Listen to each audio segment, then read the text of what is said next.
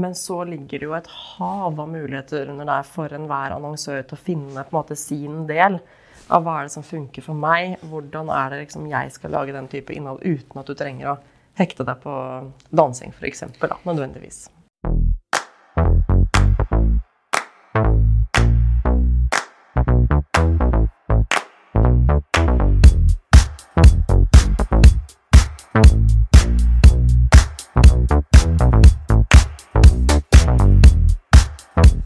Da kan vi ønske velkommen til enda en episode av Salgsrommet, en podkast om salg. Og i dag er jeg hos Meta og snakker med Nina Hareide Larsen, client partner i Meta. Og eh, takk for at jeg fikk komme hit, eh, Nina. Takk for invitasjonen.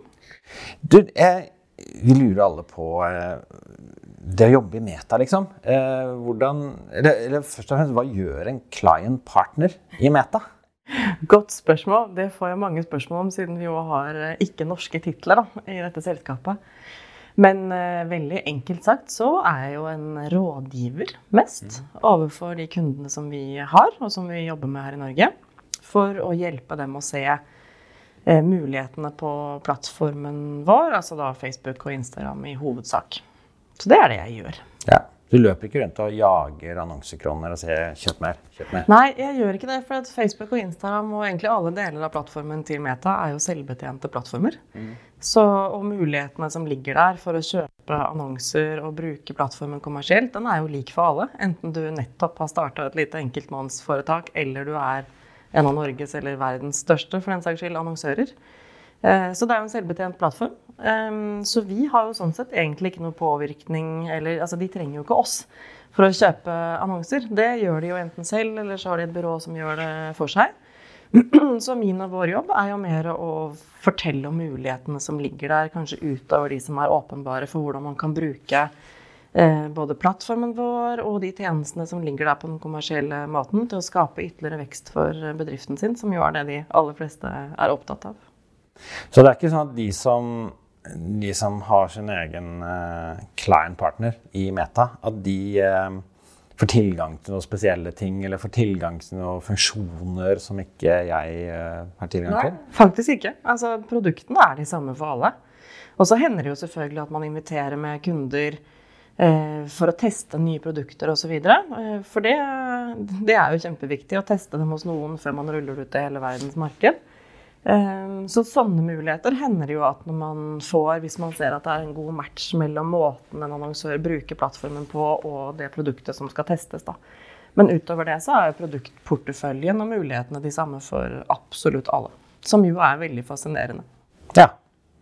Ja, Det var interessant å vite, for det er jo litt sånn mystikk knytta til, eh, til, Meta. Men før vi går videre om det, eh, få høre litt om deg. da. Bakgrunnen din, liksom. Hva, hva, hvordan havna du i Meta? Hva har du gjort før? Ja, det er et godt spørsmål. Jeg har en bakgrunn som jeg tror ingen hadde satt sammen for, eh, for å komme til denne jobben. Jeg er utdanna innenfor musikkvitenskap og teatervitenskap. I utgangspunktet hadde jeg en plan om å bli kulturjournalist. Eh, og det var jeg en periode også, men så var jeg veldig nysgjerrig på liksom, å jobbe videre med medieverden. Eh, og så studerte jeg litt medievitenskap også. Eh, havnet da inn i et sted hvor jeg hadde bestemt meg for å aldri jobbe, nemlig i bank. For da jobbet alle andre i familien min, og det syntes jeg hørtes litt tråkig ut. Eh, men så ble det ledig jobb der i kommunikasjonsavdelingen i da, den gangen eh, Sparebanken Nord, som nå er en del av DNB-konsernet. Så sånn eh, ble det til. Og så fikk jeg ansvar der for å bygge opp da etter hvert sosiale mediesatsingen til DNB. Som startet uh, i den perioden hvor Facebook.com fortsatt var blokkert i bankens nettverk. For det, uh, det var ikke sikkert. og sluttet med å ha bygd opp en, måte, en forretningsmodell rundt dette. Og en, en, måte å bruke de produktene for å skape ytterligere liksom, kommersiell effekt. Som jo egentlig eh, trigga meg veldig. For jeg har jo, selv om jeg liksom egentlig aldri har sett meg selv som en selger, så har jeg alltid syntes at det er kjempeinteressant å, å klare å skape en effekt, da. Mm. Eh, helt fra jeg liksom jobbet i den første ja, Min første ordentlige jobb var faktisk en salgsjobb i bokhandelen til onkelen min. Eh, og se at noen hadde glede av bøker osv. til liksom det jeg gjør i dag, med å kunne snakke om eh, mulige løsninger og sånn sett hjelpe norsk næringsliv til å se muligheter som de kanskje ikke har tenkt på, som gjør at de kan skape økt omsetning og ansette flere og forbedre sine resultater. Så det er en litt odd vei inn, tror jeg. Ja. Men jeg må jo si at DNB har jo alltid vært veldig langt framme, da. Så, så liksom De har jo vært flinke til å bruke sosiale medier til å både brande seg, men også selge, egentlig. Så, så ja, det er hyggelig å høre det. Ja, Du har jo vært litt, vært litt i salg, da. ja, sant det. Ja. Så, men så havna du her i Meta. Ja. Eh, og eh, hva, hva, skal til egentlig for å få jobb i Meta? Det er sikkert mange som, som, går og har en drøm om å få jobbe her i Ja, det er jo hyggelig, det, altså. Eh, men eh, vi som jobber her, har ganske ulike bakgrunner. Noen er sånn som meg, som kommer fra et helt annet sted. Eh, mens noen har litt mer sånn type mediebakgrunn. Har kanskje jobbet i mediebyrå eller på, i medieavdelingen hos selskaper, da, som måte har kommet inn den veien. Um, og så er vi jo ikke så mange her, så det betyr jo at det er ikke så ofte vi har en stilling ute heller. Men akkurat nå har vi faktisk det. I hvert fall nå når vi spiller inn denne poden. Uh, så det fins alltids muligheter. Ja, ja, ja, jeg møtte jo en gammel kollega i gangene her akkurat nå. som Han lærte meg masse da jeg begynte å jobbe med media. Så, så OK. Men hva, hva sånn konkret er det du hjelper kundene med? Hva er det, du, hva er det kundene spør deg om? da? Å, oh, godt spørsmål. Um, eh, kanskje en hoved... Eh, eller en sånn fellesnevne for spørsmålene som i hvert fall jeg jobber mest med, handler jo egentlig Eller ha, hva skal jeg si, hører inn under paraplyen digitalisering. Mm.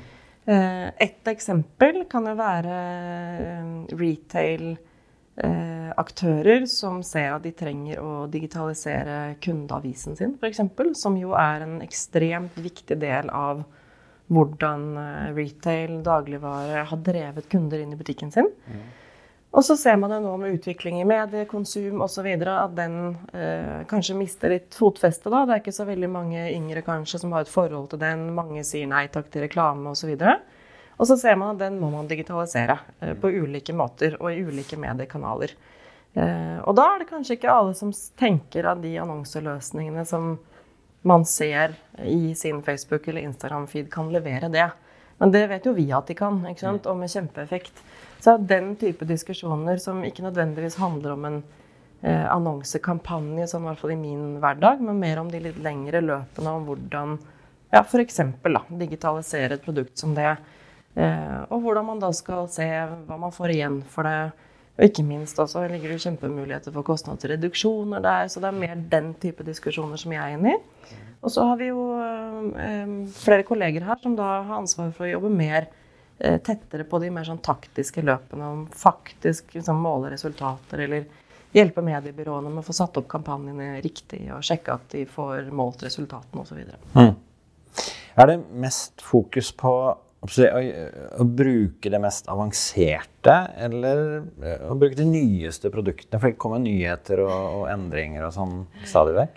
Ja, der vil jeg si at uh, ulike annonsører har litt ulik tilnærming. Noen har jo på en måte laget seg et veldig godt grunnlag som de vet funker.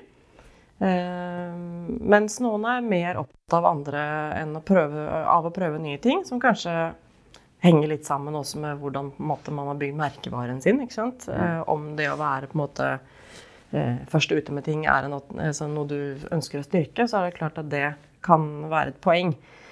Når det er sagt, så er det jo kjempeviktig å liksom, alltid fokusere på å være god på eh, grunnlaget, på en måte, og ha mm. the basics riktig, mm. før man begynner å legge på uh, add-ons som er nye. For de vil jo ikke ha full effekt hvis ikke det ligger et, eh, en god grunnmur under da, som leverer uh, business. Da. Mm. Så ja, ulikt der. Men det er klart, det kommer mye nytt hele tiden. Men det er jo kjernen som er viktigst. Selv om vi nå ser i hvert fall i det øyeblikket vi snakker, så ser vi jo f.eks. et format som reels på Instagram som vokser veldig, veldig fort. Mm. Da jeg var ny i dette selskapet, så hadde vi akkurat lansert Instagram Stories. Eh, og, da, og, det vokste jo kjempefort. Det husker jo sikkert folk også, hvor plutselig det bare var der. Mm. Eh, og vi ser nå reels vokser jo mye sterkere enn stories igjen gjorde. Eh, og da er det klart at da er det jo masse interesse rundt det, og det er kjempebra. Eh, men sånn som de nye tingene kommer, selv om man ser at det vokser fort, så er det jo likevel sånn at kanskje i hvert fall akkurat nå, da, mens vi snakker sammen, eh, så er det fortsatt rundt 70-80% av bruken av plattformen er jo fortsatt i feeden. Altså de, den delen av Facebook og Instagram som har vært der lengst. Mm. Så ja, det er jo kjempeviktig å utforske nye ting, men da må man jo legge det på toppen av det du allerede vet virker, og der hvor folk bruker mest av tiden sin, ikke istedenfor. Nei, riktig. Nei, for det var egentlig neste spørsmålet mitt. Det var hvordan nå som det kommer nye algoritmer og reels og de tingene her, endrer det måten vi annonserer på, på Facebook? Må vi liksom alle nå danse shuffle og, og synge? eh, nei, det tror jeg ikke du må. Men det endrer nok litt eh, eh, over tid hvordan man skal se på sosiale medier som medieplattform. Um, vi skal liksom prøve å, å, sammenfatte det kort, så er det jo, og det kjenner jo sikkert alle som hører på igjen også, når man scroller i denne feeden sin, mm. Så bruker man en ganske kort tid på hvert uh, innlegg. Uh, og derfor så er det jo viktig da liksom, i den delen som, som, jeg nevnte, som fortsatt har hoveddelen å være god på, liksom, få poenget først osv. Uh, eh, mens når vi ser disse nyere formatene, som reels er ett eksempel på, som jo egentlig kjennetegnes mer av at det er en underholdningsflate, vel så mye som på en måte det sosiale mediumet. Mm. Så åpner det opp igjen for litt lengre visninger, men det betyr jo likevel ikke at du kan ta noe som er laget for en annen kanal og legge innpå der. Så det, det, på en måte forsterker jo ytterligere at eh, annonsørene, enten de er små eller store, må tenke eh, at det er enda viktigere enn før da, å tenke hva som er native for den flaten du annonserer i. Mm hvordan er det formatet, å virkelig liksom sette seg inn i det før du eh, begynner å lage for det. Eh, det holder ikke eh, om ledergruppa danser på en måte, på reels. Det er ikke det som er poenget. Poenget er heller å knekke koden på en måte, med hva er det som gjør at det formatet er underholdende. Mm. Og kanskje samarbeide med andre typer kreatører, eller i hvert fall sørge for at du har en god formening om hva du vil oppnå før du på en måte går ut og lager de store produksjonene. Da. Så en viktig del av plattformen vår, som jo også er en helt fantastisk eh, del av den, er jo at det er så lett å teste og lære. Mm. Fordi du sitter jo hele tiden og ser uh, resultatene selv. Uh, og du ser dem jo fra dag til dag. Sånn at du kan jo begynne å teste ut litt, da. Og, og prøve deg frem litt uh, for å knekke den koden uten at du trenger å gå på med den største kampanjen først. på en måte. Jeg må innrømme at jeg, jeg laget en skal kalle det en fake reels-video her, for jeg har holdt et kurs om disse nye algoritmene. Så det er betryggende å høre at du sier eh, mye av det samme som jeg eh, har sagt i det kurset. Men da laget jeg en, en video eh, hvor jeg sang og dansa litt. Eh, og fikk streng beskjed av barna mine at den skal aldri på internett, pappa. Så den eh, forblir i det kurset. Nettopp. Ja, ja, ja. Nei, det kan nok hende hadde vært kleint uansett hva du hadde gjort eh, sånn sett med barna dines øyne, da. Antageligvis så hadde den vært i kategorien klein, altså. Men jeg tror det er viktig å, å se også at sånne Det er ofte noen farsotter på en måte som kickstarter eh, nye formater og, og nye ting. Uh, og en del av de liksom, store, virkelig sånn mobil først-flatene som nå er i ferd med å liksom, ta over, uh, som Reels er et eksempel på, de starter jo ofte med å bli mest kjent for noen sånne trender. Mm. F.eks. dansing. Eh, men så ligger det jo et hav av muligheter under der for enhver annonsør til å finne måte sin del av hva er det som funker for meg. Hvordan er det liksom jeg skal lage den type innhold uten at du trenger å hekte deg på dansing, f.eks. Nødvendigvis. Men du med din bakgrunn og utdannelse, da? Musikk, skuespill? Går du i, i, fronten for kundene dine? Jeg har også en tenåring hjemme som nok ville sett svært skeptisk på om eh, jeg drev og danset eh, på internettet. Så det, det har jeg også fått beskjed om og det kan jeg la være med. Men eh, vi snakker jo veldig mye om det kreative, for det er jo den viktigste delen av plattformen vår, egentlig. Så det er en stor del av det vi snakker med kundene våre om, og som vi snakker om på inn- og utpust alle andre steder hvor vi er også. For det er jo virkelig game changeren i disse kanalene. For det du eh, hele tiden ønsker deg, er jo oppmerksomheten til folk. Og vi vet jo at det er en god kreativ idé eller den gode historien, uansett hvor kort den egentlig er, eller hvor kort ideen er, så er det jo det som trigger. Du kan ha et så fantastisk kampanjeteknisk rigg i bakkant som bare mulig. Men hvis ikke oppmerksomheten fanges, så, så, når du på en måte ikke så godt igjennom som du ønsker deg i kanaler som er grunnleggende kreative, og som jo er basert på interesse for andre mennesker. Venner du liker og følger, og grupper og bedrifter du har valgt å følge osv. Og, så og inni der så skal jo annonsørene passe inn og trigge oppmerksomheten din på samme måte som om du hadde sett et innlegg fra noe som du virkelig, virkelig var interessert i fra før. Jeg pleier å si i mine foredrag at genuint slår polert hver eneste dag i sosiale medier. At det er viktigere at det er genuint eh, enn at det nødvendigvis er teknisk eh, perfekt. Mm. Er du enig? Ja, det tenker jeg. Det er jo f.eks. disse formatene som Reels et eksempel på. da. Mm. Hvor, hvor, måte noe av det nye er jo at det ligger innebakt i verktøyet hvordan du selv kan klippe sammen og sette sammen eh, videoklipp som jo tidligere var litt vrient. Du måtte mm. egentlig liksom være litt ekstra interessert for å, å gjøre det. Mm. Nå ligger det jo der, men da er det jo også i sakens natur at det blir ikke perfekt, da. Mm. Men det er også en del av konseptet at det kan være litt hakkete klipt fordi det er gøy, f.eks. Mm. Så eh, helt enig. Når det er sagt, så er det jo masse eksempler på kjempeflotte liksom store produksjoner som er laget bra, og som funker som hånd i hanske. Men eh, mange av de, særlig liksom, som kreatører eller influensere eller påvirkere eller altså Kjært barn har mange navn. man ser på hva de gjør, så er jo det ofte ikke perfekt, sånn som en, en type filmproduksjon er.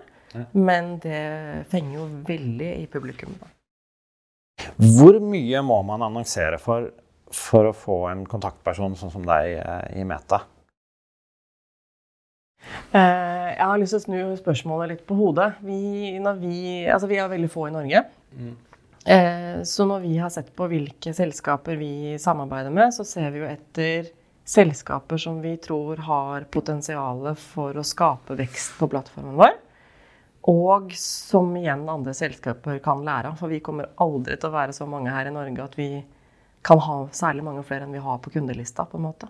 Ja. Så vi ser jo etter potensialet vel så mye som måte, kroner og øre. Ok, Så man kan godt eh, være ikke så veldig stor, men har et stort potensial. Så. Og så har vi jo for så vidt også, uh, utover oss som sitter i Norge, så har vi jo en enhet i Dublin som jobber med uh, norske kunder også. Mm. Og byråer osv. Så, videre. så det er jo ikke bare vi som sitter i Norge. Så det er jo en del som har enten direkte eller via byråer mm. kontakt med, med, oss.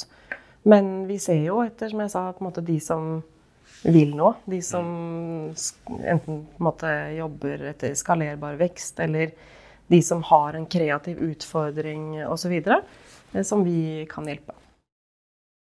Merker du noe til at den jobben du gjør, fører til at de eh, bruker mer ressurser i kanalene deres? Altså, kjenner du, Får du liksom følelsen at, du, at det, du bidrar til å øke, øke trykket? Ja, altså, og det, det, er et godt spørsmål, i og med at vi jo ikke, i motsetning til andre mediekanaler, sitter egentlig og, og, og trykker inn hva de skal Eller har bekrefta at de har kjøpt osv., så, videre, så har vi jo ikke den fingerspissfølelsen. Men jeg blir jo veldig begeistra når jeg ser eh, kampanjer der ute og får feedback fra kundene om ting som funker, og at de har klart å måte, skape en effekt av det. Det er jo det det egentlig handler om. Markedsføringen er et middel for å få folk inn i butikken. Og særlig nå, når liksom, to pandemiår lagt bak oss og så rett inn i nye utfordrende situasjoner, så er det ekstremt motiverende å høre at de tiltakene man har gjort, eller de ideene man har hatt, at, det, liksom, at man ser at det bærer. At det gir business. At man klarer den digitaliseringen, at man klarer den transformeringen som man vet at man må. Eh, og at man kan bruke vår plattform som en del av det. Så det blir jeg ekstremt motivert av. Det er jo det jeg brenner for. Mm. Meta er jo et selskap som alle snakker om. Mange vil snakke med. Eh, dere er eh, i nyhetene verden over hele tiden. Hvordan er det å jobbe i et sånt selskap? Ja, først og fremst et privilegium. Virkelig. Å få lov til å være ja, som vi har snakket om nå, få lov til å være den, en person som får komme til det bordet og, og bringe til torgs ideer som kanskje ikke har vært tenkt på før, og som ikke hadde kommet dit, og som kan være med å skape resultater som, eh, som blir litt bedre enn de kunne vært uten. Så det er et kjempeprivilegium. Og så tenker jeg at det er helt naturlig at det er eh, all slags oppmerksomhet rundt et selskap som er eh, som, som, kjennetegnes av eh, både den raske veksten som det har lagt bak seg, alle har et forhold til det. Eh, det er globalt, ikke minst. Så selvfølgelig det er masse oppmerksomhet om selskapet vårt. Eh, og sånn skal det være, tenker jeg. Mm. Men påvirker det jobben din med kundene? Altså det, den, det, har vært mye negativ oppmerksomhet rundt det. Mm. Påvirker det jobben din med kundene? Jeg opplever at vi får mange eh, gode spørsmål fra de vi samarbeider med. Eh, også når det på en måte har vært store mediesaker, da. Som de naturlig nok lurer på, og som man ønsker eh, svar på eh, utenfor på en måte den ofte litt sånn polariserte bildet som det kan bli hvis man leser nyhetene om det. Og det er på en måte litt sånn nyhetsbildets natur. Men jeg opplever at de er på jakt etter faktabasert informasjon. Det tenker jeg det er bra. Det er fornuftig. Og eh, noe annet ville vært litt rart, tenker jeg, hvis de ikke spurte. Så det er ikke sånn at de kommer til å kjefte på deg fordi noe Mark Zuckerberg har sagt? det, det, har jeg aldri opplevd. Og det, jeg syns de vi jobber med, norske både mediebransjen og næringslivet, er særdeles oppegående og fornuftig. Så det, det ville overraska meg litt. Men det er klart vi får jo høre det av og til. Og Det syns de var rart osv. Men det er kjempefint. Da. da kan vi ta med den feedbacken videre inn i vårt selskap og si at sånn er reaksjonene her i vårt marked. Og på privaten, jeg regner med at eh, hvis du sitter sent en lørdagskveld eh, dypt i en flaske vin, så er det en og annen når de får høre hvor du jobber, som, som har noen Som har litt issues. Det hender. Eh, og man har jo veldig lyst til å hjelpe. Eh, jeg har jo jobbet mange studenter i kundeservice selv, så jeg har jo fortsatt et servicegen. Men vi har altså ingen servicefunksjoner i Norge. Det er sentralisert, og det skal det være. Fordi vi, vi skal på en måte ikke ha noe med det å gjøre, vi som jobber kommersielt. Ehm, så det kan vi faktisk ikke gjøre noe med. Så da er det jo de eh, supporttjenestene som er tilgjengelige for alle, som man må henvise til. Så du sitter ikke på nachspiel og fikser profilen? Absolutt ikke. Det, det, det, gjør vi ikke. Og det skal vi ikke gjøre, og det har vi ikke engang tilgang til å gjøre. Uansett om jeg, hvor mye jeg hadde hatt lyst, så hadde jeg ikke hatt tilgangen. Nei. Um, er det noe Har du noen gode tips eller noen sånne uh, hemmelige triks uh, som du kan dele, som, uh, som bare kundene dine vet? Om hvordan du lykkes. Om hvordan du lykkes. Ja, og nå skulle jeg ha sagt noe sånn skikkelig skikkelig fancy, eh, men det beste tipset er egentlig bare å være skikkelig god på den hverdagsbiten. Det som du vet virker. Sørg for at det funker. Sørg for at du treffer flest mulig mennesker. Sørg for at kreativene dine sitter. Viktigste først. Og så kan du begynne å utforske det nye etterpå. Men du må ha en grunnmur før du begynner å sette opp eh, noe gøy på toppen. Men nå, eh, nå er jo eh, eh, TikTok og reels og den type eh, kortformvideo som er liksom the shit. Hva er det neste? Har du innsikt i hva er det neste som er like rundt hjørnet, som, som barna våre kommer til å drive med om ett eller to år? Ah, godt spørsmål. Eh, jeg skal prøve meg på en spådom der, da. Eh, fordi det er nok allerede her. Bare at kanskje mange voksne og foreldregenerasjonen ikke ser det på samme måte. Og det er jo også kanskje litt sånn veiviser, bro over til liksom, neste generasjon internett, eller metaverset, som det jo også heter. Nemlig dette med utvidet virkelighet. Som jo kanskje i sin eh, om ikke enkleste, så i hvert fall mer sånn, med sånn hverdagslig form. Kanskje ses gjennom ulike filtre på kanaler som eh, Instagram og Snapchat og, og sikkert andre. Eh, hvor du jo kan legge på enten liksom, morsomme ting, men også faktisk nå hvor det begynner å komme disse også kommersielt interessante mulighetene. Da, med at du kan eh, prøve en, se åssen en sofa ser ut i stua di, eller prøvesitte inni en ny bilmodell osv. Hvor du får den tilleggsdimensjonen gjennom mobilflaten din. Mm. Dette kan jo tenåringene våre alt om. Dette er mye mye mer naturlig for dem enn det kanskje er for mange voksne. Så det kan jo være en ting å ha øya oppe for. At dette Altså, det, det er feil å si at det kommer, for det er allerede her, men det kommer i større og større grad. Og mange forventer nok flere og flere kommersielle muligheter innenfor der, og kunne liksom utforske dette. Og så kommer det sånn fremover der hvor man virkelig kan se for seg når dette er ikke nødvendigvis bare på mobilen din, men kanskje i en brille du har på deg. Hvor du har eh, denne utvidede virkeligheten som en hjelper i hverdagen. Og da er det jo nesten bare fantasien som setter grenser for hva kan det være? Helt fra sånn praktiske ting som at du har kartet som en veiviser rett i synsfeltet ditt. Men ikke minst om hvordan kan en merkevare tenke synlighet da, på nye måter når du er ute og går i den virkelige verden. Hvordan kan en produsent av eh, uh, ulike matprodukter. Da. Hvordan kan de uh, tilrettelegge sånn at du blir enda bedre til å lage mat på kjøkkenet ditt gjennom deres merkevare. Så, dette er, liksom, ja. så det kommer, men for å komme dit så må man jo begynne å bruke om de er uh, her i dag allerede, for å lære. Så det er mitt tips. Sjekk mm. ut det. Betyr det at du allerede jobber med annonseformater i metaverset, i AR, VR, med kundene dine? Eh, ja, altså metaverset er jo Det fins jo egentlig ikke ennå. Det er et fremtidig konsept. Men, men brobyggerne inn der eh, fins jo. Og det er jo AR og XR og VR og, og alle disse forkortelsene eh, eksempler på det. Så det er jo eh, Nå husker jeg ikke sånn nøyaktige tall, men et eller annet sted rundt 700 millioner brukere som bruker disse filterne i ulike formater på våre plattformer hver eneste måned. Eh, det er mange. Så det er klart at eh, der er det også mange mennesker som er interessert i å se hva du som kommersiell aktør har å tilby der. Da. Så absolutt, dette jobbes med. Eh, men det fins mange, mange uutnytta muligheter her for norske annonsører. Så det er bare å utforske. Må vi da alle gå rundt med sånn teite Oculus-briller? Nei, det er ikke planen. De eh, filterne og måte disse XR, eller utvidede virkelighetsmulighetene som vi snakker om i dag, de konsumerer man jo først og fremst på mobilen sin. Som, eh, sånn som man ser på andre, eh, altså de andre delene av plattformen.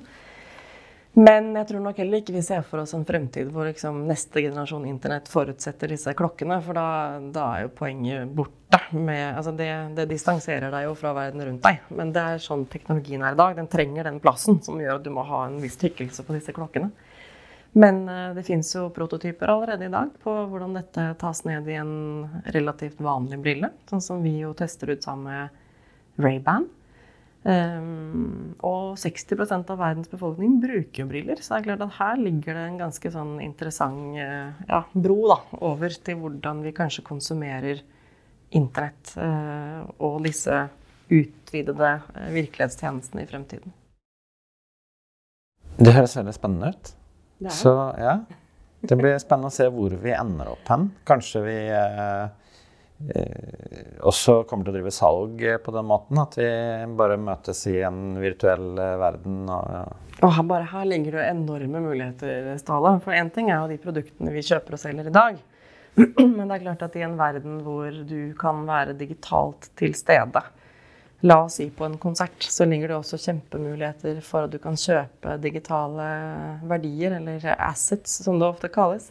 Eh, til din avatar eller til din spillfigur eller whatnot, som du kan ta med deg til de delene av plattformen som du ønsker, osv. Som igjen åpner opp for eh, at både kreatører, men også selskaper kan skape verdi på helt nye måter. Du er ikke nødvendigvis avhengig av et fysisk produkt som skal produseres et sted og sendes et annet sted og konsumeres et tredje sted. Mens noe som eksisterer i nettverket, men som likevel har en sterk opplevd verdi for brukeren. Så dette er et uh, Her er det så mye spennende å snakke om fremover for de som er uh, interessert i å finne nye kommersielle muligheter. Det er spennende. Og da ja, Det kommer til å komme uansett, så vi får jo bare være forberedt på det. Et siste spørsmål. Ja. Har du møtt Mark Zuckerberg? Nei, det har jeg ikke gjort. Du har ikke gjort det? Jeg har vært i samme rom, men jeg har ikke møtt ham. Okay. Ja. Det er litt som meg og kongen, da. ja. Uten sammenligning for øvrig. Han er en bra fyr, det kan jeg si. Ja, men det er bra. Ja. Nei, men Tusen takk skal du ha, Nina. Det var eh, kjempespennende å høre hvordan dere jobber her i Meta, og alle tankene dine rundt det. Så um, da får vi uh, si takk for i dag. Takk for i dag, Ståle. Og så uh, dukker vi opp igjen med en ny episode av Salgsrommet plutselig.